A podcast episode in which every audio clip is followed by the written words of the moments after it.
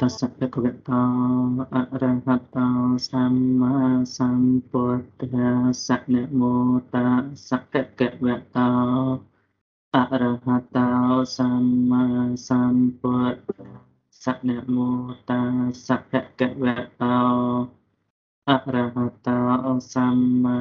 សម្ពុទ្ធស្សៈជាបឋមខ្ញុំប្រកាសណាសូមនមស្ការចំពោះ ប្រជុំបីនៃបត្រៃរតដោយសេចក្តីជ្រះថ្លានិងគោរពសូមនមស្ការព្រះតរានុត្រកុរោសូមចម្រើនពរញាតិញោមប្រុសស្រីគ្រប់រូបដែលជា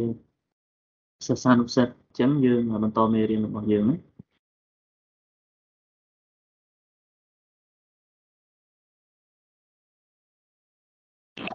ណាដាសាយដាសាយសម័យនេះគឺពិបាកអង្គគ្រូតតង់សរុប3ខែតាមបាត់ជាបង តែនេះដូចដងកៅទៅពេលខ្លះក៏អត់ពេលខ្លះក៏អត់ចឹងទៅអញ្ចឹងទៅតាមមេរៀនរបស់យើងយើងចូលនៅក្នុងប្រធានបទទី2ហើយយើងចូលក្នុងប្រធានបទទី2តកតងទៅនឹង well being ណាញាតិញោមគុណចាស់ well being ហ្នឹងគឺដែលយើងប្រែមកភាសាខ្មែរយើងថាសុខុមាលភាពដែលយើងប្រែមកហ្នឹងយើងបន្តមេរៀនរបស់យើង ចឹងប្រធានបទទី1ដែលយើងបានសិក្សានោះគឺតកតងទៅនឹងការណែនាំដំបូងអំពីចិត្តវិទ្យាព្រះពុទ្ធសាសនាហើយក្នុងនោះក៏យើងបានពិភាក្សាគ្នាបានអាត្មាក៏បានពន្យល់តកតងទៅនឹងពាក្យចិត្តវិទ្យាហ្នឹងមាននិយមន័យយ៉ាងម៉េចខ្លះដែលជាការសិក្សាផ្នែកវិទ្យាសាស្ត្រតកតងទៅនឹងអរិយាប័ត្រអត្តកិរិយារបស់មនុស្សនិងសត្វតមកក៏យើងសិក្សានៅសាខារបស់ចិត្តវិទ្យាចិត្តវិទ្យាមានសាខាជាច្រើន ដូចជាការអប់រំនិងចិត្តវិទ្យាអឺដូចជាសង្គមចិត្តវិទ្យាយើងមានតាមលំដាប់ចឹងទៅញាតិញោមគុណចាស់ចាំហើយបន្ទាប់មកក៏យើងបានពិភាក្សាតាក់ទងទៅនឹងប្រធានបទផ្សេងផ្សេងដែលចិត្តវិទ្យាពេលកំពុងតែពិភាក្សាច្រើនហើយក៏យើងបានសិក្សាពី thoughts ពីទស្សនៈនីមួយៗដែលបានកើតឡើងតាក់ទងទៅនឹងចិត្តវិទ្យាបន្ទាប់មកក៏យើងសិក្សាពីនឹងចិត្តវិទ្យាលោកខាងលិចបន្ទាប់មកក៏យើង បានសិក្សាត្រួសត្រាសតកតងទៅនឹងចិត្តវិទ្យាព្រះពុទ្ធសាសនាថាតើពាក្យចិត្តវិទ្យាព្រះពុទ្ធសាសនាបានកើតនៅក្នុងសកលលោកតាមរបៀបណានឹងគឺយើងបានសិក្សាពីវត្តសង្ខេបត្រួសត្រាសខ្លះហើយនៃសាមញ្ញគឺទស្សនៈរបស់ព្រះពុទ្ធសាសនានឹងបានបានហូរចូលទៅកាន់លោកខាងលិចហើយទស្សនៈវិទូខ្លះវិជាអ្នកវិជាសាស្ត្រខ្លះនៅលោកខាងលិចហ្នឹងគាត់ក៏បាន មកលោកខាងកើតដូចជាប្រទេសដែលកាន់ពុទ្ធសាសនាឬក៏ប្រទេសឥណ្ឌាមកសិក្សាពីព្រះពុទ្ធសាសនាផងមកសិក្សានៅបច្ចេកទេសផ្សេងផ្សេងផង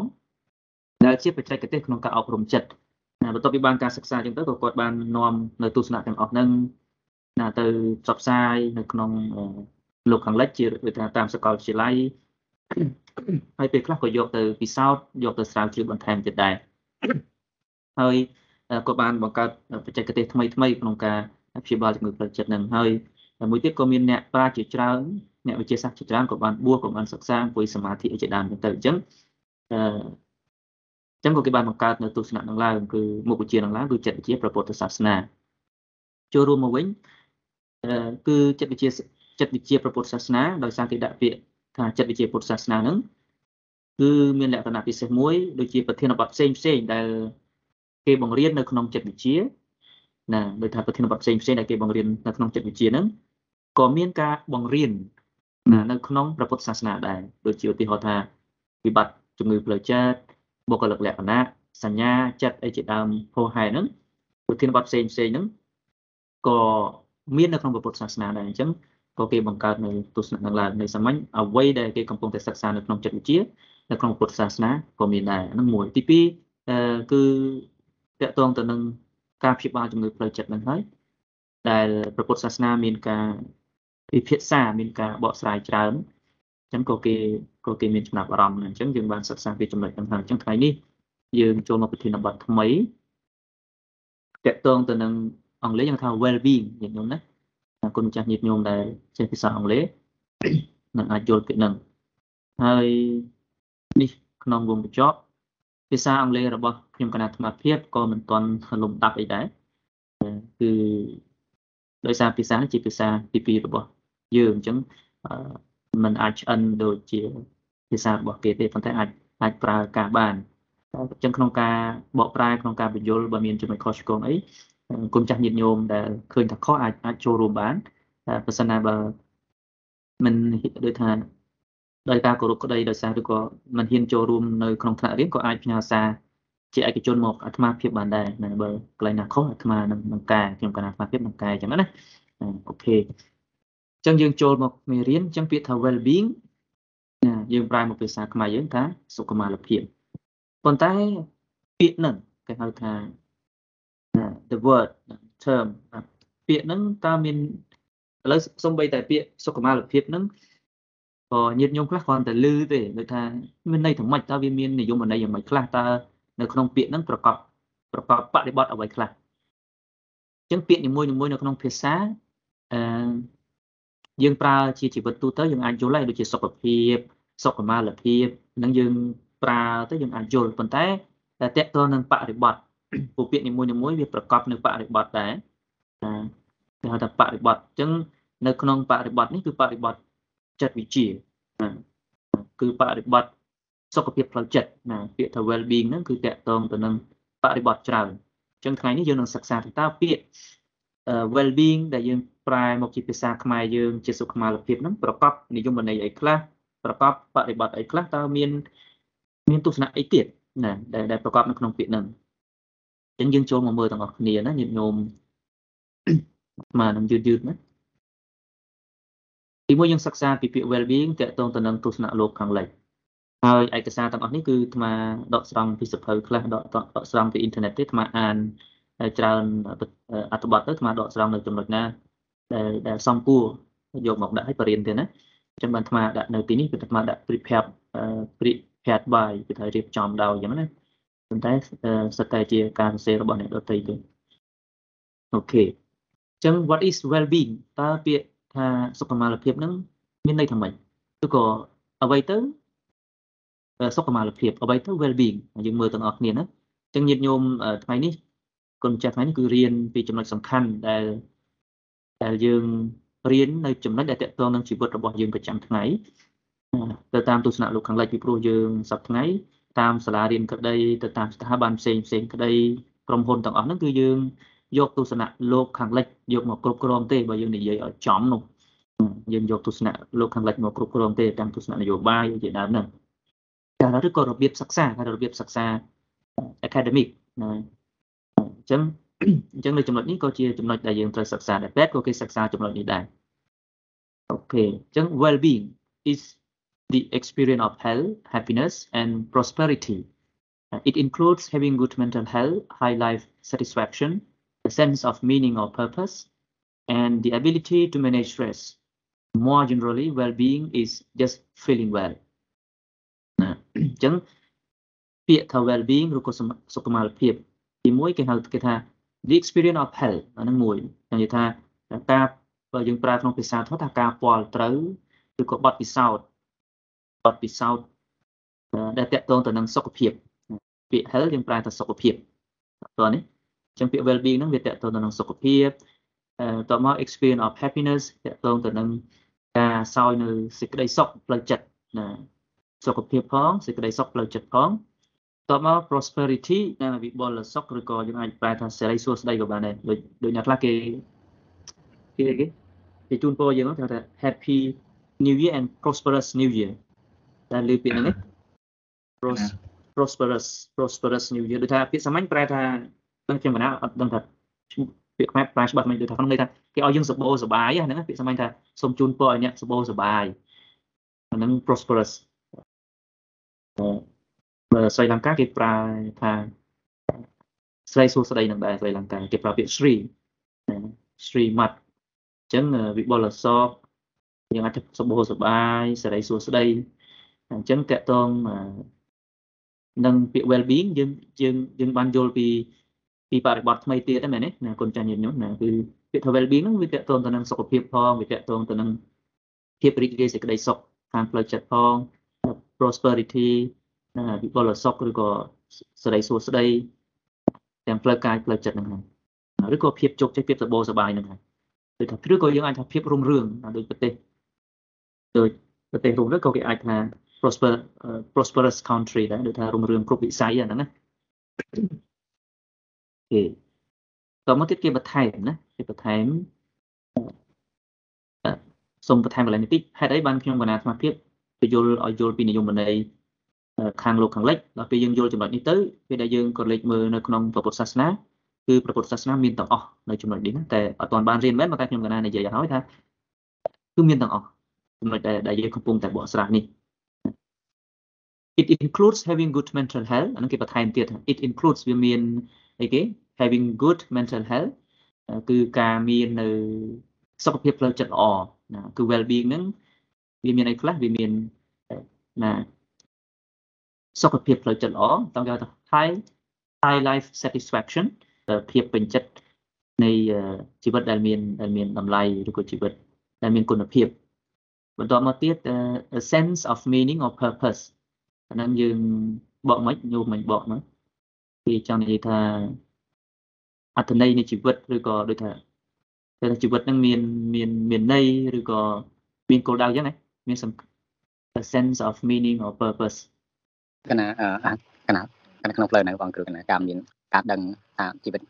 ប្រកបដោយអត្ថន័យនេះមែនទេគឺថាយើងចាប់ផ្ដើមយល់ថាជីវិតហ្នឹងមានមានខ្លឹមសារជីវិតហ្នឹងមានន័យជីវិតហ្នឹងមានគោលដៅគឺថាសំខាន់យើងមានអាស្ដីសង្ឃឹមក្នុងជីវិតហ្នឹង ណាជាពាក្យ well being ហ្នឹងវាតកតងនឹងនឹងដែរដល់ពេលចុងក្រោយគេហៅ the ability to manage stress មួយទៀតគឺសមត្ថភាពក្នុងការគ្រប់គ្រង stress របស់យើងហ្នឹងក៏វាតកតងទៅនឹង well being ដែរណាការទៀតការគ្រប់គ្រងព្រោះ stress វាតកតងច្រើនទោះបីជាប្រើពាក្យថា stress មែនវាតកតងទៅនឹងភាពតបប្រមល់ខឹងការទុកអីបារម្ភអីជាច្រើនហ្នឹងក៏យើងអាចរាប់ចូលនៅក្នុង stress បានដែរអូខេអឺសាមញ្ញក្នុងន័យសាមញ្ញ more generally well being is just feeling well ណាអឺបើន័យសាមញ្ញយើងថាសុខសប្បាយហ្នឹងហើយមានអារម្មណ៍ថាសុខសប្បាយដូចយើងនឹងជាជាវប្បធម៌មួយ តាំងពីសម័យពុទ្ធកាលម្លេះតែជួបគ្នាទៅយើងសួរណាព្រះអង្គក៏តែងតែសួរកូនសិស្សព្រះអង្គដែរកច្ចិនុខោថ្វាំងអានន្តៈអីចឹងទៅកច្ចិខមនីយ៉ាងកច្ចិយាបនីយ៉ាងដូចជាការសួរសុខទុក្ខសុខសប្បាយអត់ការបរិភោគមិនដែរការរស់នៅមិនដែរអញ្ចឹងពាក្យថា យើងក៏តែងតែសួរដែរសូម្បីអង់គ្លេសក៏យើងសួរ how are you how are you doing WhatsApp អីចឹងយើងអាចសួរគេចឹងភាសាខ្មែរយើងយើងសួរសុខសប្បាយអត់មិនហើយជីវិតអញ្ចឹងយើងតែងតែឆ្លើយហើយពេលខ្លះក៏យើងថាទុកពេលខ្លះក៏សុខចឹងទៅប៉ុន្តែនៃសាមញ្ញនឹងតកតងទៅនឹងពាក្យ well being ហ្នឹងឬសុខុមាលភាពមានន័យថាសុខសប្បាយក្នុងន័យសាមញ្ញគឺពាក្យគឺថាសុខសប្បាយហ្នឹងហើយអញ្ចឹងយើងចាប់និយមន័យច្រើននៅនៅចំណុចខាងលើ ចុងក្រោយយើងនឹងសរុបណាយើងនឹងសរុបថាតើពាក្យសុខុមាលភាពមានន័យថាម៉េចណាអឺបន្ថែមទៀតអឺទី2ក៏ដូចគ្នាដែរគេថា well being is is something sought by just about everyone uh, because it includes so many positive things feeling happy healthy socially connected and uh, pur uh, purposeful បើយើងមើលសង្កេតមើលឲ្យច្បាស់ទៅនៅក្នុងនិយមន័យនេះក៏ដូចនិយមន័យខាងលើដែរគ្រាន់តែដូរពាក្យទេ ណាយើងអ្នកជាអង់គ្លេសដល់ហ្នឹងក៏ដូរពាក្យទេប៉ុន្តែខ្ញុំកណាក៏បន្ថែមថាពាក្យសុខុមាលភាពនេះគឺគឺជាធម៌មួយជាវត្ថុមួយ ជារបស់មួយដែលយើងស្វែងរកណាស់ក្នុងជីវិតរបស់យើងបើយើងនិយាយក្នុងន័យសាមញ្ញណាដូចជាយើងខំរៀនយើងធ្វើការយើងធ្វើគ្រប់យ៉ាងហ្នឹងដើម្បីចង់ឲ្យជីវិតរបស់យើងនឹងមានសេចក្តីសុខយើងស្វែងរកសេចក្តីសុខហ្នឹងណាអូខេអញ្ចឹងពាក្យថា well being គឺយើងអាចប្រែថា គឺមានពាក្យចំណុចនេះអាត្មាអាត្មាបានគូសវានេះជាបូលហ្នឹងថា positive things តែយើងអាចកត់សម្គាល់ថាជាវិជ្ជមានជាជារបស់ដែលដែលមានភាពវិជ្ជមានណាគឺក៏ល្អនឹងហើយខាងផ្លូវចិត្តចឹងក្នុងន័យនេះនិយមន័យក៏គេបន្ថែមទៀតថាមានអារម្មណ៍សុបាយមានសុខភាពល្អមួយទៀតគេបន្ថែមទៀតគេហៅថា socially connected ន័យសាមញ្ញថាយើងមានអារម្មណ៍ថាយើងមាន មានសម្ព័ន្ធភាពមានតំណែងតំណងល្អនៅក្នុងសង្គមអញ្ចឹងណាណាដូចជាតំណែងតំណងរវាងស្វាមីនិងភរិយាតំណែងតំណងរវាងមេនិងកូនចៅណាតំណែងតំណងមិត្តភ័ក្តិនិងមិត្តភ័ក្តិអញ្ចឹងគឺថាឲ្យទៅរស់នៅក្នុងសង្គមយើងមានអារម្មណ៍ថាយើងយើងមានភាពកក់ក្ដៅតែមានន័យថាយើងមានសុខុមាលភាពល្អហើយហើយចុងក្រោយគឺ purposeful ហ្នឹងគឺមានសេចក្តីសង្ឃឹមក្នុងជីវិតអញ្ចឹងនិយមន័យទាំងពីរនេះគឺលើសតែមួយទេគេបដោតទៅចំណុចនេះ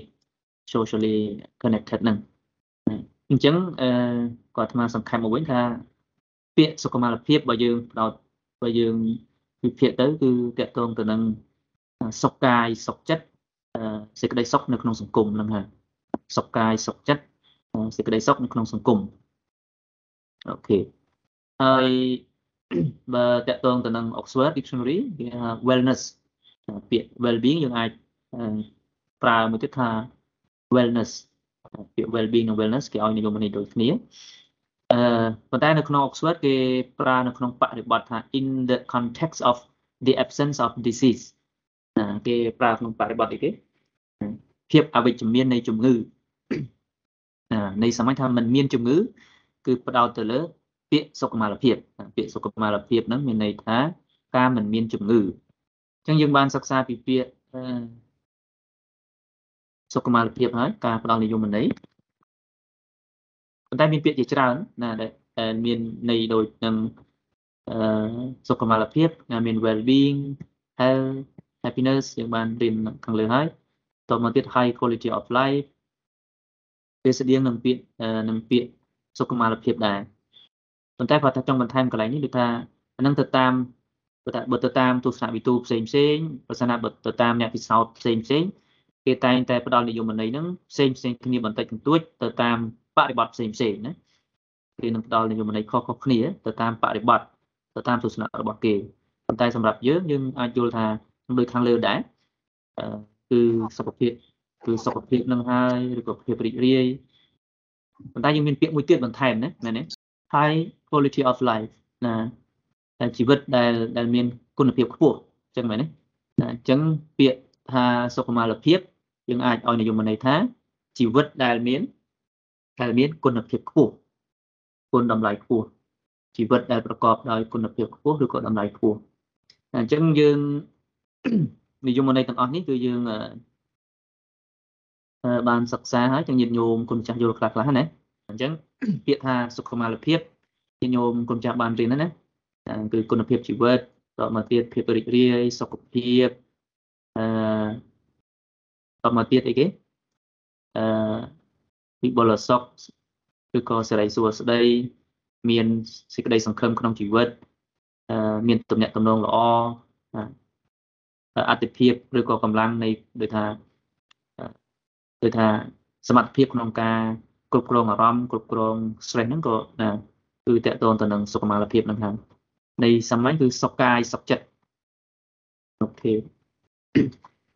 ចឹងនិយមន័យទាំងអស់មិញហ្នឹងគឺយើងបានដកស្រង់ពីអត្ថបទផ្សេងផ្សេងឥឡូវយើងមកមើលនិយមន័យនេះវិញញាតិញោមស្គាល់អង្គការនេះណាសម័យ Covid ហ្នឹងគឺយើងធ្វើតាមគាត់ច្រើនអង្គការសុខភាពពិភពលោកណាញាតិញោមចឹងណាអង្គការសុខភាពពិភពលោកទៅតាមអង្គការសុខភាពពិភពលោកអឺតកតងទៅនឹងពាក្យ សុខុមាលភាពហ្នឹងវាមានក្នុងបរិបទសុខភាពទៅវិញគេហៅ health សុខុមាលភាពអញ្ចឹងពាក្យមួយម៉ាត់អញ្ចឹងយើងយើងរៀនមួយទៀតហើយពាក្យសុខុមាលភាពនិងពាក្យសុខភាពគឺមានន័យស្តៀងគ្នាទេទោះបីជាយើងបកហៅថាបរិបទហ្នឹងវាស្តៀងគ្នាទោះបីជាយើងប្រែខុសគ្នាក៏ដោយអញ្ចឹងគេបន្ថែមថា health as a complete state uh, physical uh, mental social well being ណាអញ្ចឹងពាក្យថា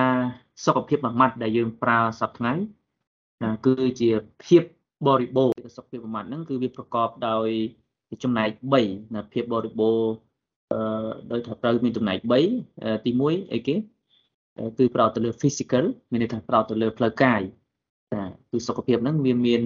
វាមានសុខុមាលភាព3មានន័យថាវាប្រកបវាត្រូវប្រកបដោយសុខុមាលភាព3អញ្ចឹងណាក្នុងន័យទី1ទី1អីគេ គឺត្រូវមានសុខុមាលភាពផ្លូវកាយសុខុមាលភាពផ្លូវចិត្តនិងផ្លូវសង្គមកន្លែងហ្នឹងគឺវាផ្ដោតទៅលើអង់គ្លេសគេហៅថាទៅលើ interpersonal relationship វាតកតងទៅនឹងអឺទំនាក់ទំនងរវាងបុគ្គលនិងបុគ្គលដែលដូចជាដូចអាបានលើកឡើងពីមុនចឹងប្តីភរិយានិងស្វាមីមិត្តភ័ក្តិនិងមិត្តភ័ក្តិវាសម័យថាយើងរស់នៅក្នុងសង្គមហ្នឹងដោយមានមាន សេចក្តីសុខយ៉ាងម៉េចហ្នឹងដែលគេផ្ដោតឬក៏ពេលខ្លះគេផ្ដោតទៅលើ អីគេហៅថា social security អញ្ចឹងណាដូចជាសន្តិសុខក្នុងសង្គមដូចថាมันមានអំពើហិង្សាអីជាដើមมันមានការអឺដូចអីរំលោភសិទ្ធិមនុស្សអីជាដើមហ្នឹងក៏វាអាចរាប់យកថាជា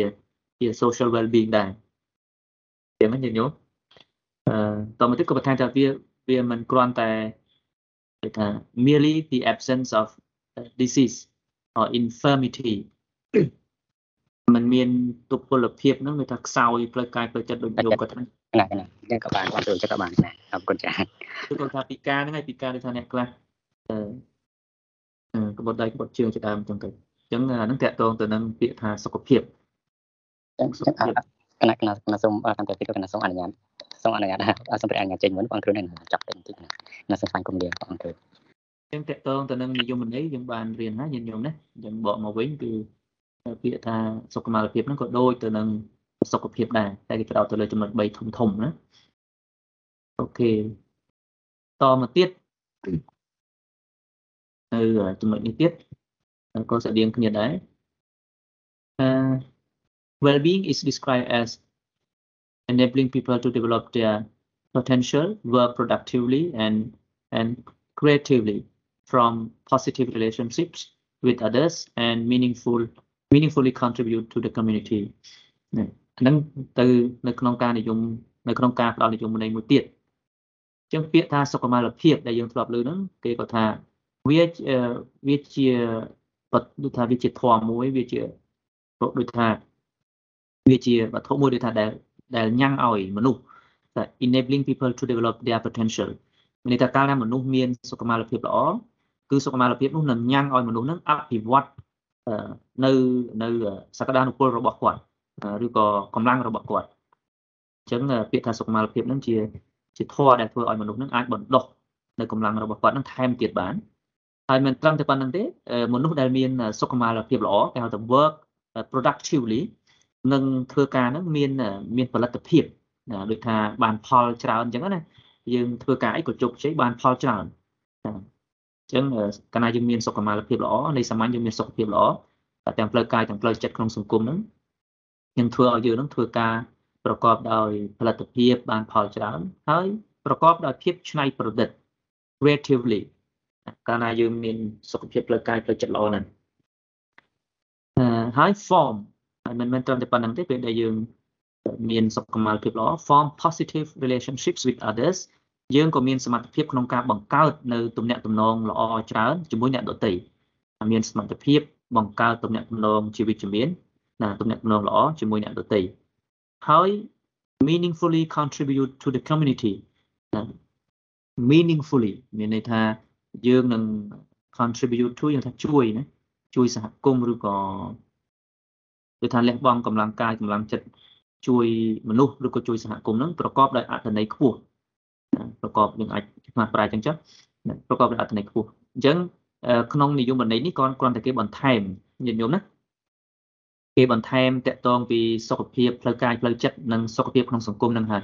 គេបន្ថែមពីចំណុច3ខាងលើនេះគឺថាបន្ថែមនឹងចង់បញ្យល់ឲ្យញាតិញោមយល់ថាតើបុកថាតើសុខុមាលភាពអឺផ្លូវកាយផ្លូវចិត្តផ្លូវសង្គមហ្នឹងគេគេចង់ផ្ដោតទៅលើអីគេគេនិយាយអំពីអី នៅក្នុងនេះក៏គេបកស្រាយថែមណាថាបុគ្គលដែលមានសុខុមាលភាពល្អហ្នឹងណាគឺជាអាចឆ្នៃទៅថាអាចបណ្ដុះនៅសក្តានុពលអាចបណ្ដុះនៅកម្លាំងខ្លួនឯងនឹងឲ្យរីកចម្រើនច្រើនជាងមុនហើយក៏ធ្វើការប្រកបដោយផលិតភាពធ្វើការប្រកបដោយភាពច្នៃប្រឌិតហើយអាចបង្កើតនៅសម្ព័ន្ធភាពឬក៏ភាពទំនាក់ទំនងជាមួយមនុស្សដោយដោយល្អជួយសង្គមជួយសហគមន៍ជួយមនុស្សហ្នឹង ក៏ប្រកបដោយអត្ថន័យខ្ពស់ដែរនឹងជានឹងតកតនសុខុមាលភាពនេះបន្ថែមខ្ញុំក្រោយគាត់ Sarah Stewart Brown គាត់ជាសាស្ត្រាចារ្យ Public Health នៅសាកលវិទ្យាល័យ Warwick Warwick នៅប្រទេសអង់គ្លេសគាត់បន្ថែមទៀតថាពាក្យ well being ហ្នឹងគឺ feeling good and functioning well and feeling happy is a part of well being but but far but far from the whole អូខេអញ្ចឹងនៅក្នុងនិយមន័យដែលគាត់បញ្យលគឺតកតងទៅនឹងដូចដែលដែលទេ feeling good ដូចថាមានមានអារម្មណ៍ល្អតមក functioning well ដូចថាយើងមានគឺថាមានសកម្មភាពល្អមានសកម្មភាពល្អធ្វើកិច្ចការល្អជាដើមអញ្ចឹងទៅតមកទៀត feeling feeling happy មានអារម្មណ៍រីករាយហ្នឹងជាចំណែកមួយនៃនៃសុខុមាលភាពដែរ ណាអញ្ចឹងពាក្យថាសុខុមាលភាពអឺរំលឹកឡើងវិញគឺគឺថាសុខសប្បាយមានអារម្មណ៍ល្អធ្វើកិច្ចការល្អជាដើមអញ្ចឹងទៅឆ្លងកាត់ការយល់ដឹងអំពីនិយមន័យសុខុមាលភាពសុខភាពអញ្ចឹងឧទាហរណ៍បុគ្គលម្នាក់គាត់ខ្វះចំណុចណាមួយក្នុងចំណោមនិយមន័យទាំងអស់ហ្នឹងហ្នឹងយើងអាចចាត់ទុកថាគាត់គាត់មានជំងឺផ្លូវចិត្តឬក៏គាត់ខ្វះឬក៏គាត់គាត់ introvert ឬក៏មិនអរគុណអរគុណបាទសម្រាប់ណាដល់ណាខ្វះច្រើននៅក្នុងយមន័យគឺខ្វះច្រើនតែបើយើងសុខភាពផ្លូវចិត្តអាអូខេអឺពេញដែរតកតងទៅនឹងចំណុចហ្នឹងនេះគេចង់ចូលរួមថាពាក្យ ពាក្យថា well being ឬពាក្យថាសុខុមាលភាពហ្នឹងមាននិយមន័យយ៉ាងម៉េចគេចង់គេចង់ផ្ដោតយ៉ាងណាប៉ុន្តែអ្នកខ្លះក៏មិនមានន័យថាគួរត្រូវមានទាំងអស់ដែរហ្នឹងយើងគឺគឺយើងមិនអាចថាជាបានទេប៉ុន្តែបុគ្គលណាមានទាំងអស់អញ្ចឹងក៏វាល្អដែរប៉ុន្តែយើងនឹងសិក្សាបន្ថែមទៀតទៅខាងមុខនេះគ្រាន់តែនិយមន័យដែលផ្ដោតទៅលើនៃបរិបទថាសុខុមាលភាពនោះមានន័យមិនប៉ុន្តែមិនទាន់បញ្ជាក់ថាបើបុគ្គលណាខ្វះចំណុចណាមួយបុគ្គលនោះគេហៅថាជាបុគ្គលមានវិបត្តិឬក៏មានជំងឺនោះទេពីព្រោះការវិនិច្ឆ័យតាក់ទងទៅនឹងជំងឺគឺយើងគឺយើងត្រូវប្រយ័ត្ន ណាព្រោះយើងសប្តាហ៍ទៅជួបពេទ្យអីយើងពីមនុស្សទីទួចហ្នឹងពេទ្យខ្លះគេថាយើងឈឺបាត់ឬក៏យើងថាយើង depression ឯបាត់ឲ្យឆ្នាំបាត់ហើយអញ្ចឹងយើងសិក្សានៅមុខវិជ្ជានេះគឺយើងប្រយ័ត្នហើយរបៀបវិនិច្ឆ័យរោគហ្នឹងគឺយើងនឹងរៀននៅប្រធានបទខាងមុខអញ្ចឹងណាអញ្ចឹងចង់ចូលរួមជាមួយបងប្អូនថាគឺយើងមិនអាចតន់វិនិច្ឆ័យថាបុគ្គលនឹងមានជំងឺឬក៏មិនល្អបានទេពីព្រោះបុគ្គលខ្លះទោះបីជាគាត់ហើយគាត់ក្រទ្របមែនឬក៏គាត់ឈឺច្រើនផ្លូវកាយមែនប៉ុន្តែថាថាការរៀនរបស់គាត់ក៏ល្អផ្លូវចិត្តរបស់គាត់គាត់រីករាយច្រើនអីចឹងទៅហ្នឹងប៉ុន្តែចំណុចគេគេប្រោតទៅលើកម្លាំងចិត្តច្រើន ស្រាប់តនេះទៅនៅខាងមុខទៀតយើងចាប់ដើមមុខទៀតក៏មានមានថែមទៀតទានបងគ្រូជួយបន្ថែមចុងក្រោយបន្តិចកន្លែង meaningful contribute បងគ្រូដូចអត់តន់ច្បាស់ត្រង់មាន meaningful contribution ហ្នឹងឯងកណែទាំងអូខេពាក្យថាមិនថានៃសាមញ្ញអឺគេចង់បញ្ជាក់ថាបុគ្គលដែលមានសុខុមាលភាពល្អអឺគឺគាត់នឹងមានចិត្តមួយឬក៏មានសមត្ថភាពក្នុងការលះបង់កម្លាំងកាយកម្លាំងចិត្តដើម្បីជួយ ដល់មនុស្សដែលនៅជុំវិញឬក៏សហគមន៍ឬក៏សង្គមដូចថាដូចជាអ្នកខ្លះបង្កើតនៅសាលារៀនដែលមិនយកលុយអ្នកខ្លះជួយអ្នកក្រីក្រអ្នកខ្លះជួយអ្នកនេះជួយអ្នកនោះអញ្ចឹងគឺនៅតកតនៅក្នុងចំណុចហ្នឹងដែលនៅក្នុងពុទ្ធសាសនាយើងថាជាការបម្រើជាតិនិងសាសនាអញ្ចឹងទៅហ្នឹងក្នុងន័យលក្ខណៈនៃសាមញ្ញដូចជាលក្ខណៈដាំដើមឈើអីជាដើមអីចឹងទៅអានឹងវាជាក្នុងលក្ខណៈនឹងហៅថា meaningfully contribute to the community អញ្ចឹងក្រៅពីនិយមន័យគេហៅថា there is a deeper kinds of well being មានមានដូចថាមានជ្រៅជាងនឹងឬក៏មានមាននិយមន័យឬក៏មានបរិបទនឹងជ្រៅជាងនឹងទៀតពាក្យថា well being នឹងមិនត្រឹមតែប៉ុណ្្នឹងទេ which is about living in a way that is good for you and good for others around you further to this concept of well being អញ្ចឹងពាក្យមិញយើងសិក្សាយើងសិក្សាពីនិយមន័យហើយតែក្នុងពាក្យ well being ឬក៏សុខុមាលភាពនោះវាប្រកបអត្ថន័យ ជ្រៅជាងនឹងអ្វីដែលគេចង់បញ្ជាក់កន្លែងនេះថាអ្នកដែលមានសុខុមាលដូចថាសុខុមាលភាពល្អមានន័យថាជាគឺជាការរស់នៅណាគឺជាការរស់នៅដែលដែលហៅថាមានប្រយោជន៍ដល់ខ្លួនឯងផងមានប្រយោជន៍ដល់អ្នកដទៃអ្នកដែលនៅជុំវិញខ្លួនយើងផងដែលក្នុងពុទ្ធសាសនាយើងប្រើពាក្យថាជាប្រយោជន៍ជាសេចក្តីសុខជាសេចក្តីចម្រើនដល់ខ្លួនឯងផងដល់មនុស្សជុំវិញខ្លួនផងអាហ្នឹងហើយដែលហៅតែជាន័យរៀងត្រូវបន្តិចនេះគេគេបន្ថែមគេបញ្យល់ថែមណា ខ្ញុំប្រាថ្នាភាពលើកនិយមន័យច្រើនដើម្បីឲ្យយើងយល់បន្ថែមតទៅនឹងពុទ្ធសាសនាដល់ពេលយើងបានសិក្សាពីលោកខាងលិចទៅមានន័យថាពុទ្ធសាសនាមានតម្លៃប៉ុន្តែពេលដែលយើងសិក្សាទៅយើងនឹងយល់ថាអូនៅក្នុងពុទ្ធសាសនាមានទាំងអស់ហ្នឹងក៏នេះហើយជាដែលនេះហើយដែលយើងដែលយើងរៀនអូខេបន្តមកទៀតអង្គគេបន្ថែមណានឹងយើងដូចខាងលើដូចមុនដែរតែយើងជួយគ្នាណា the feelings of happiness មានអារម្មណ៍សប្បាយរីករាយច្រើន contentment គឺយើងចេះគ្រប់គ្រាន់ណា ដែលភាសាធម៌យើងហៅថាសន្តោសៈហ្នឹងសេចក្តីសន្តោសយើងចេះគ្រប់គ្រាន់ enjoyment enjoy មានថាសប្បាយរីករាយហ្នឹងណាអឺបន្តមកទៀត curiosity and engagement with their community ទៅចូលរួមកិច្ចការសហគមន៍មានមានចំណាប់អារម្មណ៍មានឆន្ទៈអឺទាំងអស់នេះហើយគេហៅថាអីគេគេហៅថា are characteristic are characteristic វាជាលក្ខណៈ តែតនេះវាជាលក្ខណៈរបស់បុគ្គលរបស់បុគ្គលដែលដែល has a positive experience of their life គឺទាំងអស់នេះវាជាលក្ខណៈរបស់បុគ្គលដែលដែលគាត់ដែលគាត់មានចំណុចវិជ្ជមាននៃជីវិតរបស់គាត់នៃសាមញ្ញនៃសាមញ្ញថាអ្វីដែលអាត្មាបានរៀបរាប់ទាំងអស់ហ្នឹងដូចថាដូចជាមានភាពសប្បាយរីករាយច្រើនមានមានសេចក្តីសន្តោស enjoyment enjoyment សប្បាយអញ្ចឹងដូចគ្នាដែរមែនទេមកយើងប្រែ តែតែប៉ុន្តែនេះន័យខុសគ្នា enjoy អឺតបមកទៀតមានឆន្ទៈមានការចូលរួមក្នុងសហគមន៍អញ្ចឹងចំណុចទាំងអស់នេះជាលក្ខណៈជាលក្ខណៈរបស់បុគ្គលដែលមានគេហៅថាចំណុចវិជ្ជមាននៃជីវិតនៃជីវិតនឹងតកតងទៅនឹង well being ស្តៀងស្តៀងខាងលើដែរទេតបមកខាងក្រោម uh,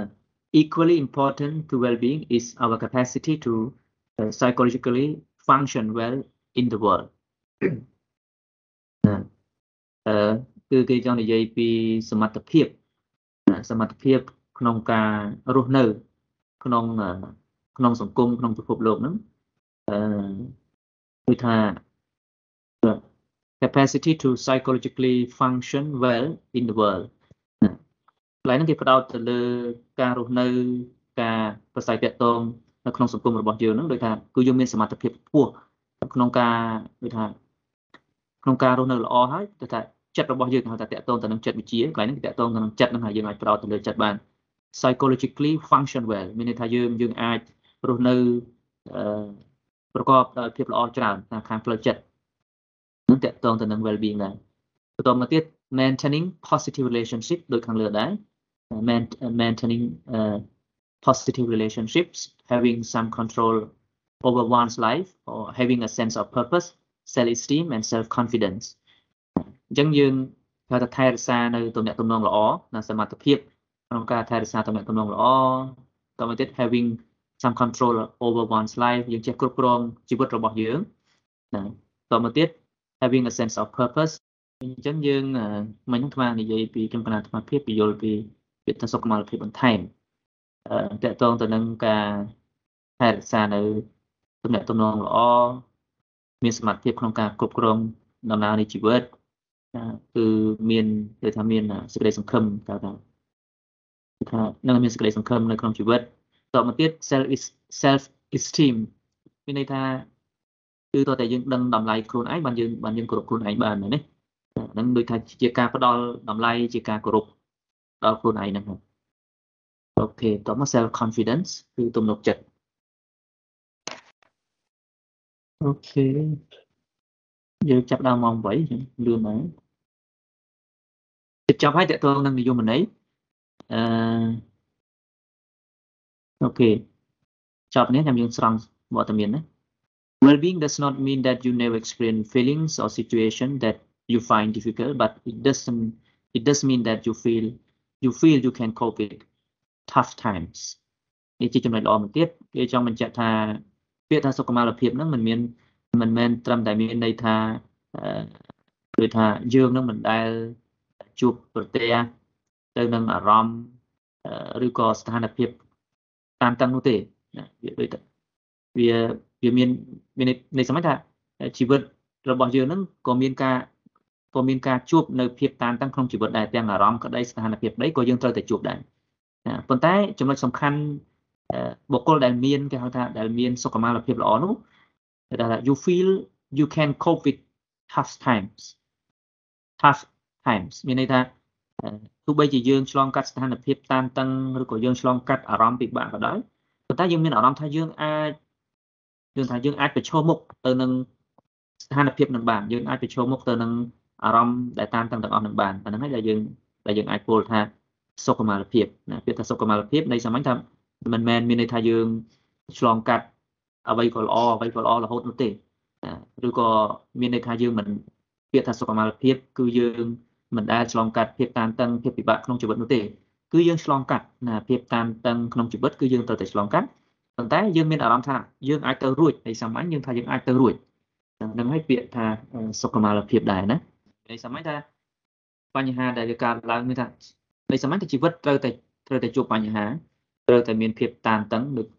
គ្រប់យ៉ាងតានតឹងទាំងអារម្មណ៍តានតឹងទាំងស្ថានភាពមានចំនួនក្នុងគ្រួសារមានបញ្ហាខាងហិរញ្ញវត្ថុអីជាដើមយើងតែងតែមានមានជំងឺអីជាដើមទៅប៉ុន្តែ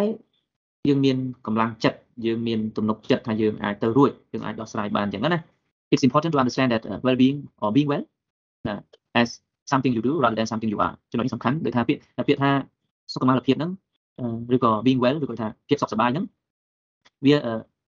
វាវាជាអ្វីដែលយើងដែលយើងបង្កើតដោយខ្លួនឯងនេះសម័យថាជាអ្វីដែលយើងធ្វើនិយាយកន្លែងហ្នឹងណាពេលថាយើងមានសុខុមាលភាពល្អហ្នឹងវាវាមិនចេះតែកើតឡើងដោយខ្លួនឯងទេវាមិនមានថាយើងកើតមកព្រាមហ្នឹងយើងយកអាសុខុមាលភាពហ្នឹងមកទាំងអស់ទេគឺវាតកតងនឹងអ្វីដែលយើងបង្កើត something you do rather than something you are មានន័យថាបើក្នុងនេះគេថាវាវាអត់តកតងទៅនឹងបុគ្គលិកលក្ខណៈរបស់យើងដែលយើងកើតមកមានព្រាមហ្នឹងគឺជារបស់ដែលយើងដែលយើងបង្កើតដែលយើងត្រូវធ្វើដែលយើងត្រូវបង្ហាត់ the things we do and the way we think can have a big impact on our experience អញ្ចឹងគឺគេបញ្ជាក់ចុងក្រោយពាក្យថាសុខុមាលភាពហ្នឹងគឺជាអ្វីដែលយើងធ្វើជាអ្វីដែលយើងគិតអញ្ចឹងអ្វីដែលយើងធ្វើអ្វីដែលយើងគិតហ្នឹងគឺមានឥទ្ធិពលខ្លាំងណាស់ក្នុងក្នុងបទពិសោធន៍នៃជីវិតរបស់យើងអញ្ចឹងការគិតការធ្វើរបស់យើងអាចផ្លាស់ប្ដូរនៅនៅបទពិសោធន៍នៃជីវិតដែលយើងឆ្លងកាត់បានហ្នឹងហើយដែលយើងអាចរាប់ចូលថាជាជាសុខុមាលភាពអូខេនេះយើងបានសិក្សាពីនិយមន័យនៅលោកខាងលិចអញ្ចឹងសរុបមកវិញពាក្យថាសុខុមាលភាពដែលយើងបានសិក្សាពីកំពូលទាំងនិយមន័យផ្សេងផ្សេងទាំងនិយមន័យទៅតាមនៅក្នុងអង្គការសុខភាពពិភពលោកឬក៏អ្នកប្រាជ្ញផ្សេងផ្សេងហ្នឹង យើងអាចចែកដែលថាពាក្យថាសុខុមាលភាពគឺជានៃសាមញ្ញថាភាពសុខសប្បាយសេចក្តីសុខផ្លូវកាយផ្លូវចិត្តហើយនៅក្នុងសង្គមភាពរស់នៅក៏ប៉ុន្តែគឺអ្វីដែលគេផ្ដោតធ្វើគឺគេផ្ដោតទៅលើកម្លាំងចិត្តរបស់មនុស្សកម្លាំងចិត្តរបស់មនុស្សដូចជាការផ្ដោតតម្លៃឲ្យខ្លួនឯងភាពទំនុកចិត្តមានសេចក្តីសន្តោសអីជាដើមហ្នឹងអញ្ចឹងបុគ្គលដែលមានសុខុមាលភាពល្អមិនមានន័យថាបុគ្គលនោះមិនដែលឆ្លងកាត់ផលពិបាកឬក៏មិនដែលឆ្លងកាត់ភាពតាត់ភាពតានតឹងក្នុងជីវិតទេគឺគាត់ឆ្លងកាត់ប៉ុន្តែអ្វីដែលគាត់មានគឺគាត់អាចមានសមត្ថភាពគាត់អាចបន្តសមត្ថភាពរបស់គាត់ហ្នឹងដោះស្រាយបញ្ហាទាំងអស់បានអូខេអញ្ចឹងពីថាសុខុមាលភាព វាចំកាត់ថាវាមិនកើតឡើងដោយខ្លួនឯងទេគឺយើងត្រូវតែបណ្ដុះវាហើយកណាគិតថាជាសរុបនៃរួមដោយថាសុខុមាលភាពមានន័យថាជីវិតនៅតែអាចប្រព្រឹត្តទៅបានយ៉ាងរលូនទោះបីជាជួបនឹងស្ថានភាពបត់បែនឬក៏ឧបសគ្គឬក៏ជោគជ័យយ៉ាងណាក៏ដោយចឹងតែគ្រូត្រូវតែតែគាត់ថាវាមានបរិបទផ្សេងផ្សេងគ្នាចឹងទៅប៉ុន្តែគាត់គេលើកឡើងនេះគេចង់លើកឡើងថា អឺហ្នឹងបើយើងស្មារតីយល់ពុទ្ធសាសនាចាប់យល់ជាងអឺដោយព្រះសម្មាសម្ពុទ្ធចឹងលោកមានសុខបើយើងមើលក្នុងបរិបទសុខុមាលភាពព្រះអង្គមានទាំងអស់មែនទេនៃសម័យព្រះអង្គមានគ្រប់យ៉ាងនឹងថាមុននឹងព្រះអង្គទៅជួយណាបើយើងថាបើយើងក្នុងមើលក្នុងបរិបទហ្នឹងកាយសម្បទាក៏ព្រះអង្គមាន ក្រុមគ្រួសារស្ដេចអីហ្នឹងល្អនៅវិធានទាំងអស់តកតងទៅនឹង ហិរញ្ញវត្ថុប្រាក់អីអីហ្នឹងក៏ព្រះអង្គមិនខ្វះដែរបើយើងគិតក្នុងហ្នឹងព្រះអង្គបរិបូរណ៍ចឹងហើយបើនៅក្នុងពុទ្ធសាសនាដូចថាយើងយើងត្រូវបរិបូរណ៍ហ្នឹងដូចយើងត្រូវថាអាយុវណ្ណៈសុខៈពលៈណាដូចថាទាំងអស់ហ្នឹងបើយើងបរិបូរណ៍ទាំងអស់ទៅវាល្អប៉ុន្តែបើអត់ទេយើងមានតែសុខៈក៏មិនអីដែរយើងទៅសុខសុខកាយសុខចិត្តចឹងណាដែលយើងមិនមានដូចជាកម្លាំងរបស់ស្ត្រីក៏ដូចគ្នាស្ត្រីខ្លះក៏មិនមានទាំងអស់ហ្នឹងដែរក៏មិនមានញាតក៏មិនមានបត់អីដែរប៉ុន្តែ សុខភាពរបស់គាត់ផ្លូវកាយគាត់ល្អអីចឹងទៅហ្នឹងក៏យើងអាចរាប់ថាអត់តបរិបូរប៉ុន្តែក៏យើងអាចចាត់ទុកថាវាវាគ្រាន់បើចឹងណាអឺលោកគ្រូដែលតកតងជាមួយនឹងថាយើងអាចប្រឈមទៅមុខនឹងបញ្ហាដែលតានតឹងហើយឡើយនោះលោកគ្រូបានបញ្ជាក់ថាត្រូវមានកម្លាំងចិត្តអាហ្នឹងកម្លាំងចិត្តហ្នឹងចេញពីខ្លួនឯងឬក៏យើងត្រូវការកម្លាំងចិត្តពីគេមកលោកគ្រូអឺនៅក្នុងចំណុចហ្នឹងវាមានកត្តាពីរទី1ចំណុចសំខាន់នោះគឺត្រូវចេញពីយើង ចេញពីយើងដូចថាពេលខ្លះគេលើកទឹកចិត្តយើងឯងដូចថាគេនិយាយហ្នឹងគេលើកទឹកចិត្តយើងប៉ុន្តែដោយសារចិត្តរបស់យើងនឹងវាអត់ទៅមមយើងគិតថាគេហ្នឹង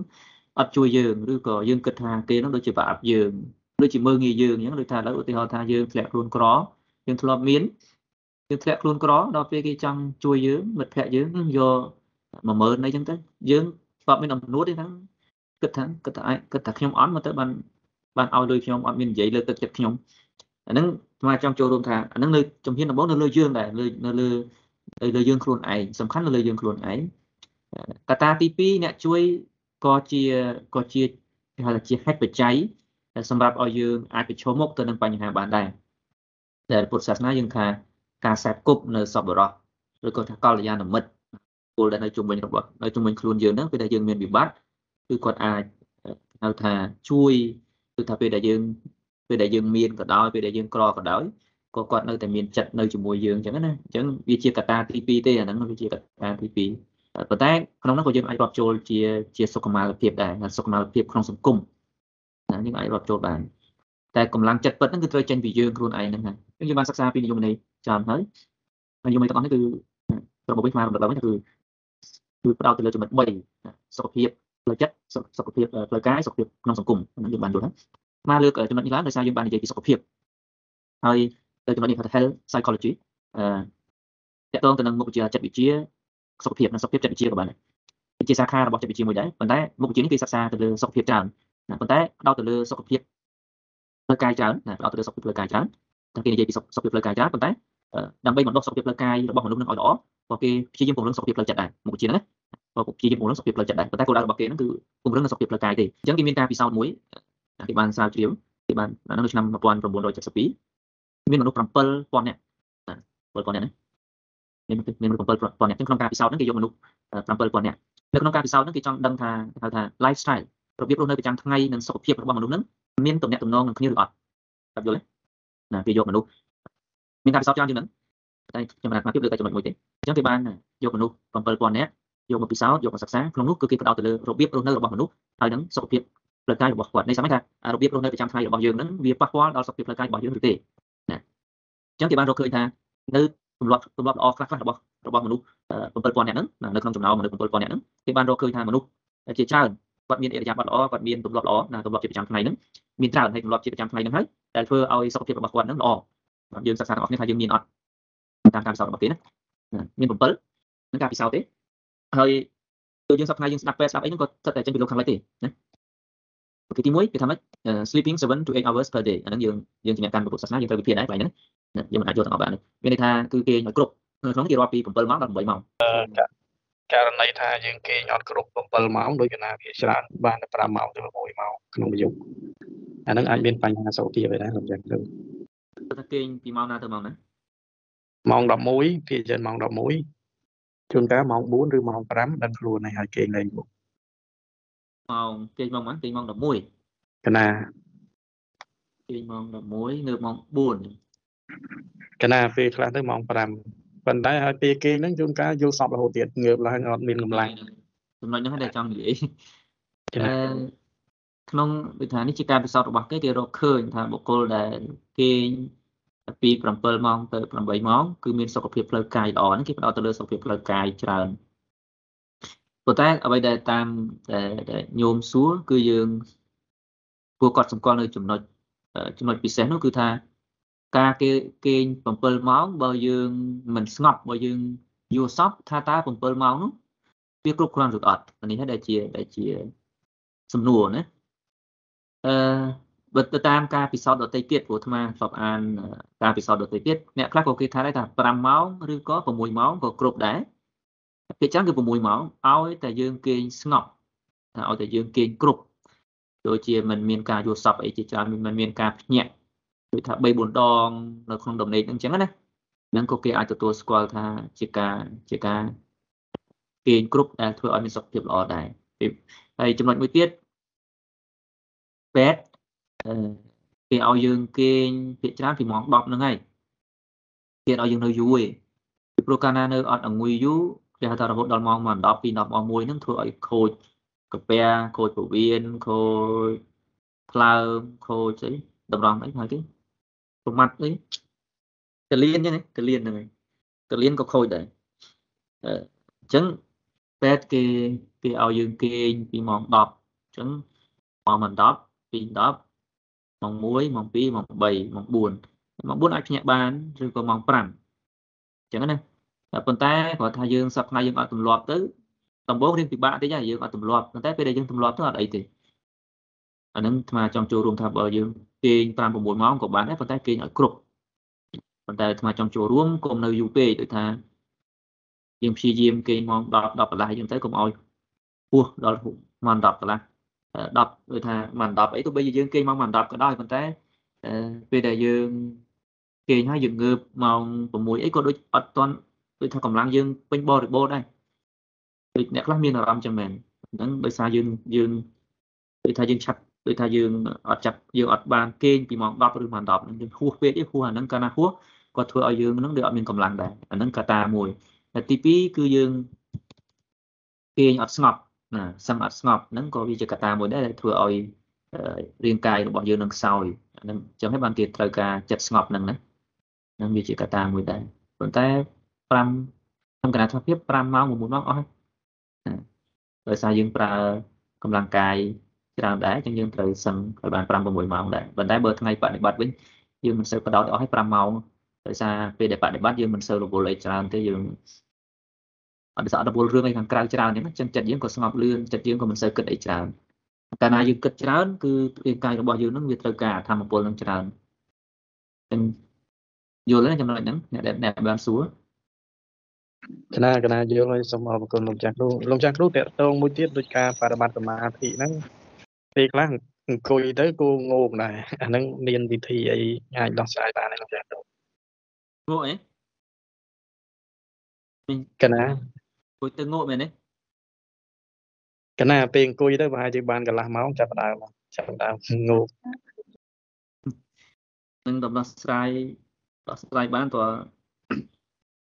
នឹងវាមានកត្តាពីរទី1វាជាកិលេសទី2វាផ្លូវកាយបើបើសិនណាផ្លូវកាយយើងត្រូវគេងឲ្យគ្រប់ក្នុងការបដិបត្តិណាស្ពួយព្រោះសំបីតែព្រោះដំណេកហ្នឹងព្រះអរិយបុគ្គលក៏លោកត្រូវការសំបីតែបុគ្គលដែលសោតាក៏លោកនៅតែងងុយដែរហ្នឹងបាទអាហ្នឹងវាមានវាមានពីរ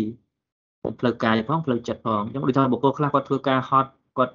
អត់បានគេងបានអីឬក៏សឹងមិនគ្រប់គេងមិនគ្រប់អាហារ មិនល្អរាងកាយរបស់គាត់ឬក៏គាត់មានរោគកាពះរោគអីដូចឈឺច្រើនហ្នឹងពេលដែលគាត់អង្គុយទៅក៏អាចថាគាត់អាចងក់អាហ្នឹងដោយសាររាងកាយរបស់គាត់ខ្សោយអាហ្នឹងវាមានហេតុចឹងដែរណា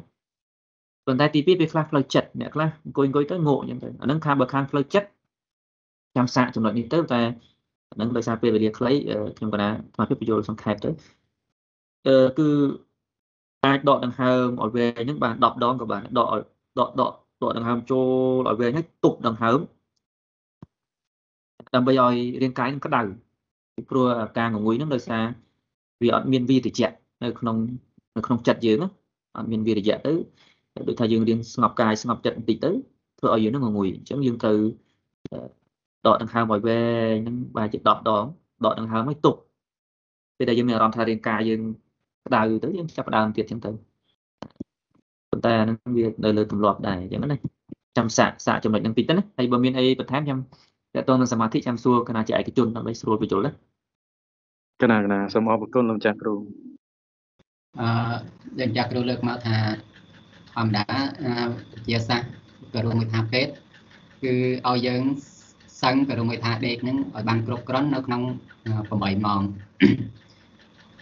ប៉ុន្តែខ្ញុំកណាចង់សួរថាចុះឧទាហរណ៍ថាដោយព្រះអរិយបុគ្គលដូចជាព្រះតួព្រះសម្មាសម្ពុទ្ធអីជាដើម គឺលោកអត់សូវបានសឹងទេគឺថាទន្ទីគឺមួយថាកិច្ចរបស់ព្រះសម្មាសម្ពុទ្ធហ្នឹងមាន5យ៉ាងហ្នឹងគឺជាប់ចនិចអញ្ចឹងការសឹងហ្នឹងគឺតិចតួចមែនទែនហើយដូចជាប្រវត្តិសាស្ត្រអ្នកប្រាជ្ញទាំងឡាយគឺយើងមើលទៅសិក្សាស្រាវជ្រាវទៅឃើញថាពួកគាត់គឺនៅក្នុងការដេកហ្នឹងគឺបានតិចតួចណាគឺរវល់តែថាការសិក្សារៀនសូត្រហ្នឹងច្រើនផ្ដោតទៅលើការសិក្សារៀនសូត្រហ្នឹងច្រើនហើយការដេកហ្នឹងតិចទេតែអាហ្នឹងមិនដេញចាគ្រូហើយសុខភាពគេក៏ថា ចំណុចហ្នឹងយើងត្រូវវិភាគឲ្យទលាយបន្តិចប៉ុន្តែដោយសារពេលវេលាខ្លី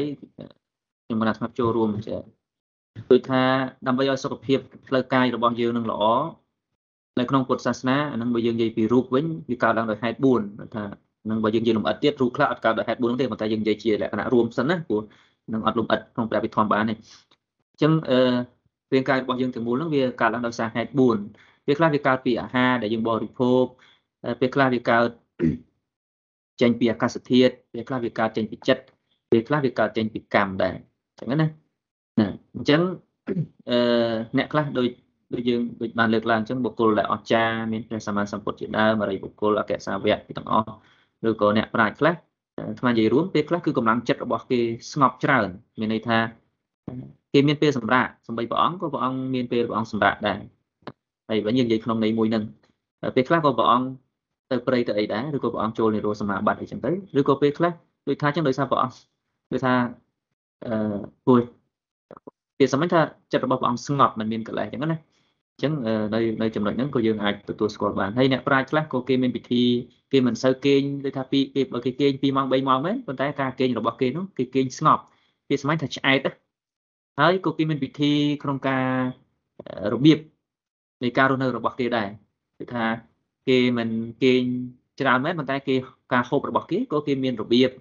អីជាដើមអីចឹងទៅហើយពេលតែគេធ្វើការគេមានរបៀបធ្វើការគេដូចថាគេអត់